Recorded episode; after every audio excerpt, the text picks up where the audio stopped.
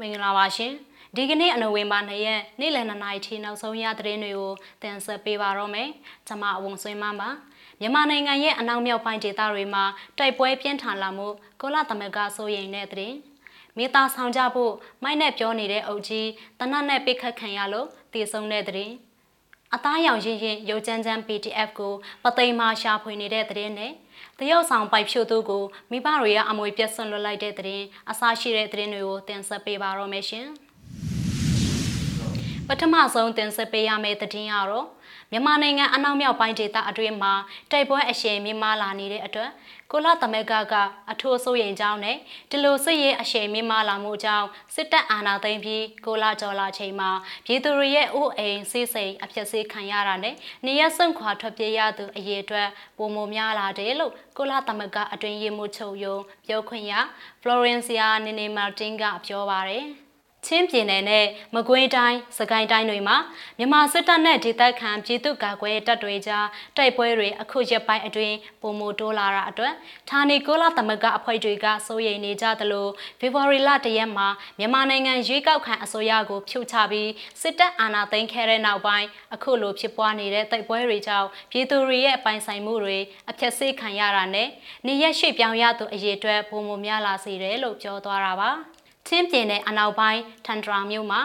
NGO ရုံးတရုံအပါအဝင်လူနေအိမ်အလုံး160ကျော်မေရှုဖြက်စီးခံရတာနဲ့မြို့တဲကိုလက်နက်ကြီးတွေနဲ့ပိတ်ခတ်မှုတွေရှိနေတဲ့ဆိုတဲ့သတင်းတွေကြောင့်စိုးရိမ်ကြောင်းလည်းပြောပါရယ်မြန်မာနိုင်ငံအနောက်မြောက်ပိုင်းဒေသတွင်လက်ရှိတိုက်ပွဲတွေကြောင့်အမျိုးသမီးနဲ့ကလေးငယ်တွေအပါအဝင်ဒေသခံ3,000လောက် အိန္ဒိယအပါအဝင်ဘေးလွတ်ရာကိုအိုးအိမ်ဆွန့်ခွာထွက်ပြေးနေရကြောင်းနဲ့ချင်းပြည်နယ်ပလဲဝဒေသမှာ2019ကတည်းကဖြစ်ပွားတဲ့တိုက်ပွဲတွေကြောင့်အရင်ကတည်းကစစ်ရှောင်9000ကျော်ရှိနေတာဖြစ်ပြီးစစ်တပ်အာဏာသိမ်းတဲ့အချိန်ကနေအခုချိန်ထိဆိုရင်မြန်မာနိုင်ငံတလွှားနောက်ထပ်နေရဆွန့်ခွာထွက်ပြေးရတဲ့ဒုက္ခတွေက2သိန်းကျော်ရှိနေပြီလို့လည်းပြောပါရယ် သက်ဆိုင်ရာအဖွဲ့တွေအနေနဲ့တိုက်ပွဲတွေအတွင်းနိုင်ငံတကာလူသားချင်းစာနာမှုဆိုင်ရာဥပဒေကိုလိုက်နာပြီးအယက်သားတွေကိုအကာအကွယ်ပေးဖို့လဲကုလသမဂ္ဂကထပ်လောင်းတောင်းဆိုခဲ့ပါတယ်။ဒါအပြင်အယက်သားတွေလူသားချင်းစာနာမှုအကူအညီပေးနေသူတွေနဲ့သူတို့ရဲ့ပိုင်ဆိုင်မှုတွေကိုပြမှတ်ထားမတိုက်ခိုက်ဖို့ပါတတိပေးခဲ့ပါတယ်။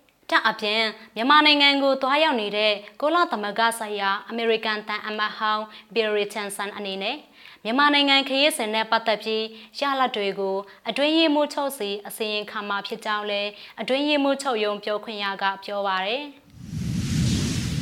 မန္တလေးတိုင်းကတည်င်းနဲ့ဆက်ချင်ပါတယ်မန္တလေးတိုင်းဒေသကြီးကြောက်ဆယ်ခရိုင်ကြောက်ဆယ်မြို့နယ်တင်ပြူကျေးရွာမှအကြမ်းဖက်စစ်ကောင်စီလက်အောက်ခံအုပ်ချုပ်ရေးမှူးအိုသိန်းထီဟာ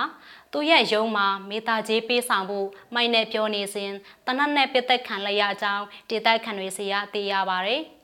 မနေ့ကနိုဝင်ဘာလတရက်ညနေ6နာရီဝန်းကျင်မှာအိုသိန်းထီကိုတနက်နဲ့ဝင်ရောက်ပစ်ခတ်ခဲ့ကြောင်း Dragon ကြောက်ဆယ် Defense Force DKDF ရဲ့တာဝန်ရှိသူကပြောပါရယ်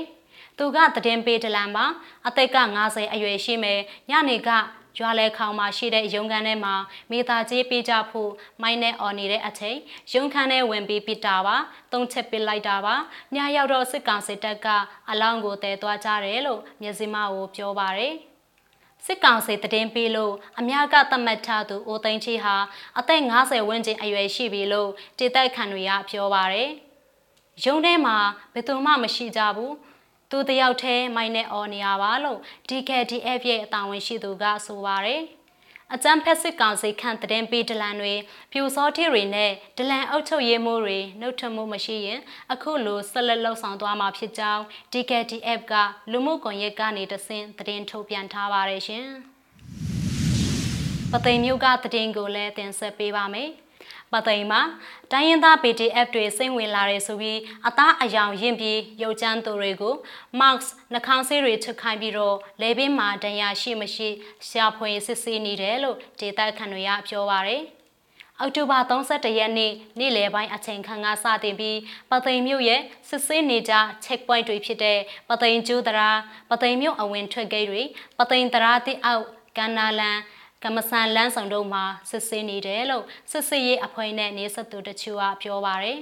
အရင်ကစိုက်ကယ်တွေကိုစစ်ရင်ထိုးပေါက်ပဲဖွင့်ပြရတာအခုတော့ mask ချွတ်ပြရတယ် helmet ပါချွတ်ပြရတယ်လို့ပသိမ်တရားတိအောက်မှာစစ်ဆေးခံခဲ့ရတဲ့လူငယ်တအိုးကပြောပါတယ် အသားအယောင်ရင်ပြီးရုပ်ကြမ်းကြမ်းလူငယ်တချို့ကိုလေဘင်းကိုပါစစ်ဆေးနေလို့တန်ရာဒါမှမဟုတ်အမတ်သားပါတဲ့သူတွေကိုရှာဖွေနေတာဖြစ်နိုင်တယ်လို့စစ်ဆေးခံခဲ့သူတွေနဲ့နေဆက်သူတအိုးကပြောပါတယ်တိုင်းရင်းသားဒေတာဖက်က PDF တွေရောက်နေတယ်။တည်င်းအရာရောက်နေတဲ့သူထဲမှာအသားမဲမဲရုပ်ကြမ်းကြမ်းသူတယောက်လဲပါတယ်လို့ပြောတန်ကြတယ်လို့သူကဆက်ပြောပါရရှင်။နောက်ဆုံးသတင်းတပုတ်အနေနဲ့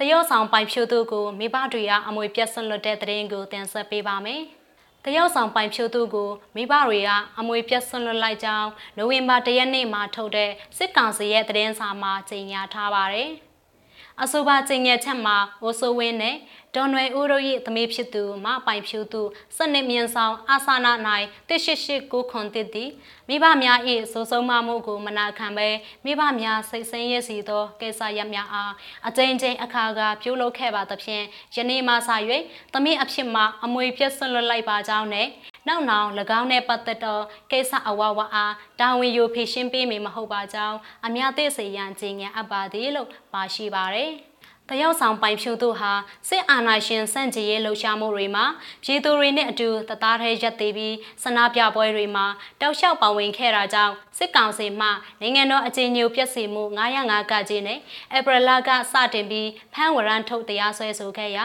လက်ရှိအချိန်ထိလွတ်မြောက်ရာဒေသတစ်ခုကိုသိမ်းရှောင်နေရဆဲဖြစ်ပါရဲ့ရှင်။ မြစည်းမရဲ့နိုဝင်ဘာလ2ရက်နေ့လယ်2နာရီထိနောက်ဆုံးရရှိထားတဲ့သတင်းတွေကိုတင်ဆက်ပေးခဲ့တာပါမြန်မာပြည်သူပြည်သားအားလုံးစိတ်အေးချမ်းသာခြင်းကိုယ်အေးချမ်းသာခြင်းနဲ့ပြည့်စုံကြပါစေရှင်။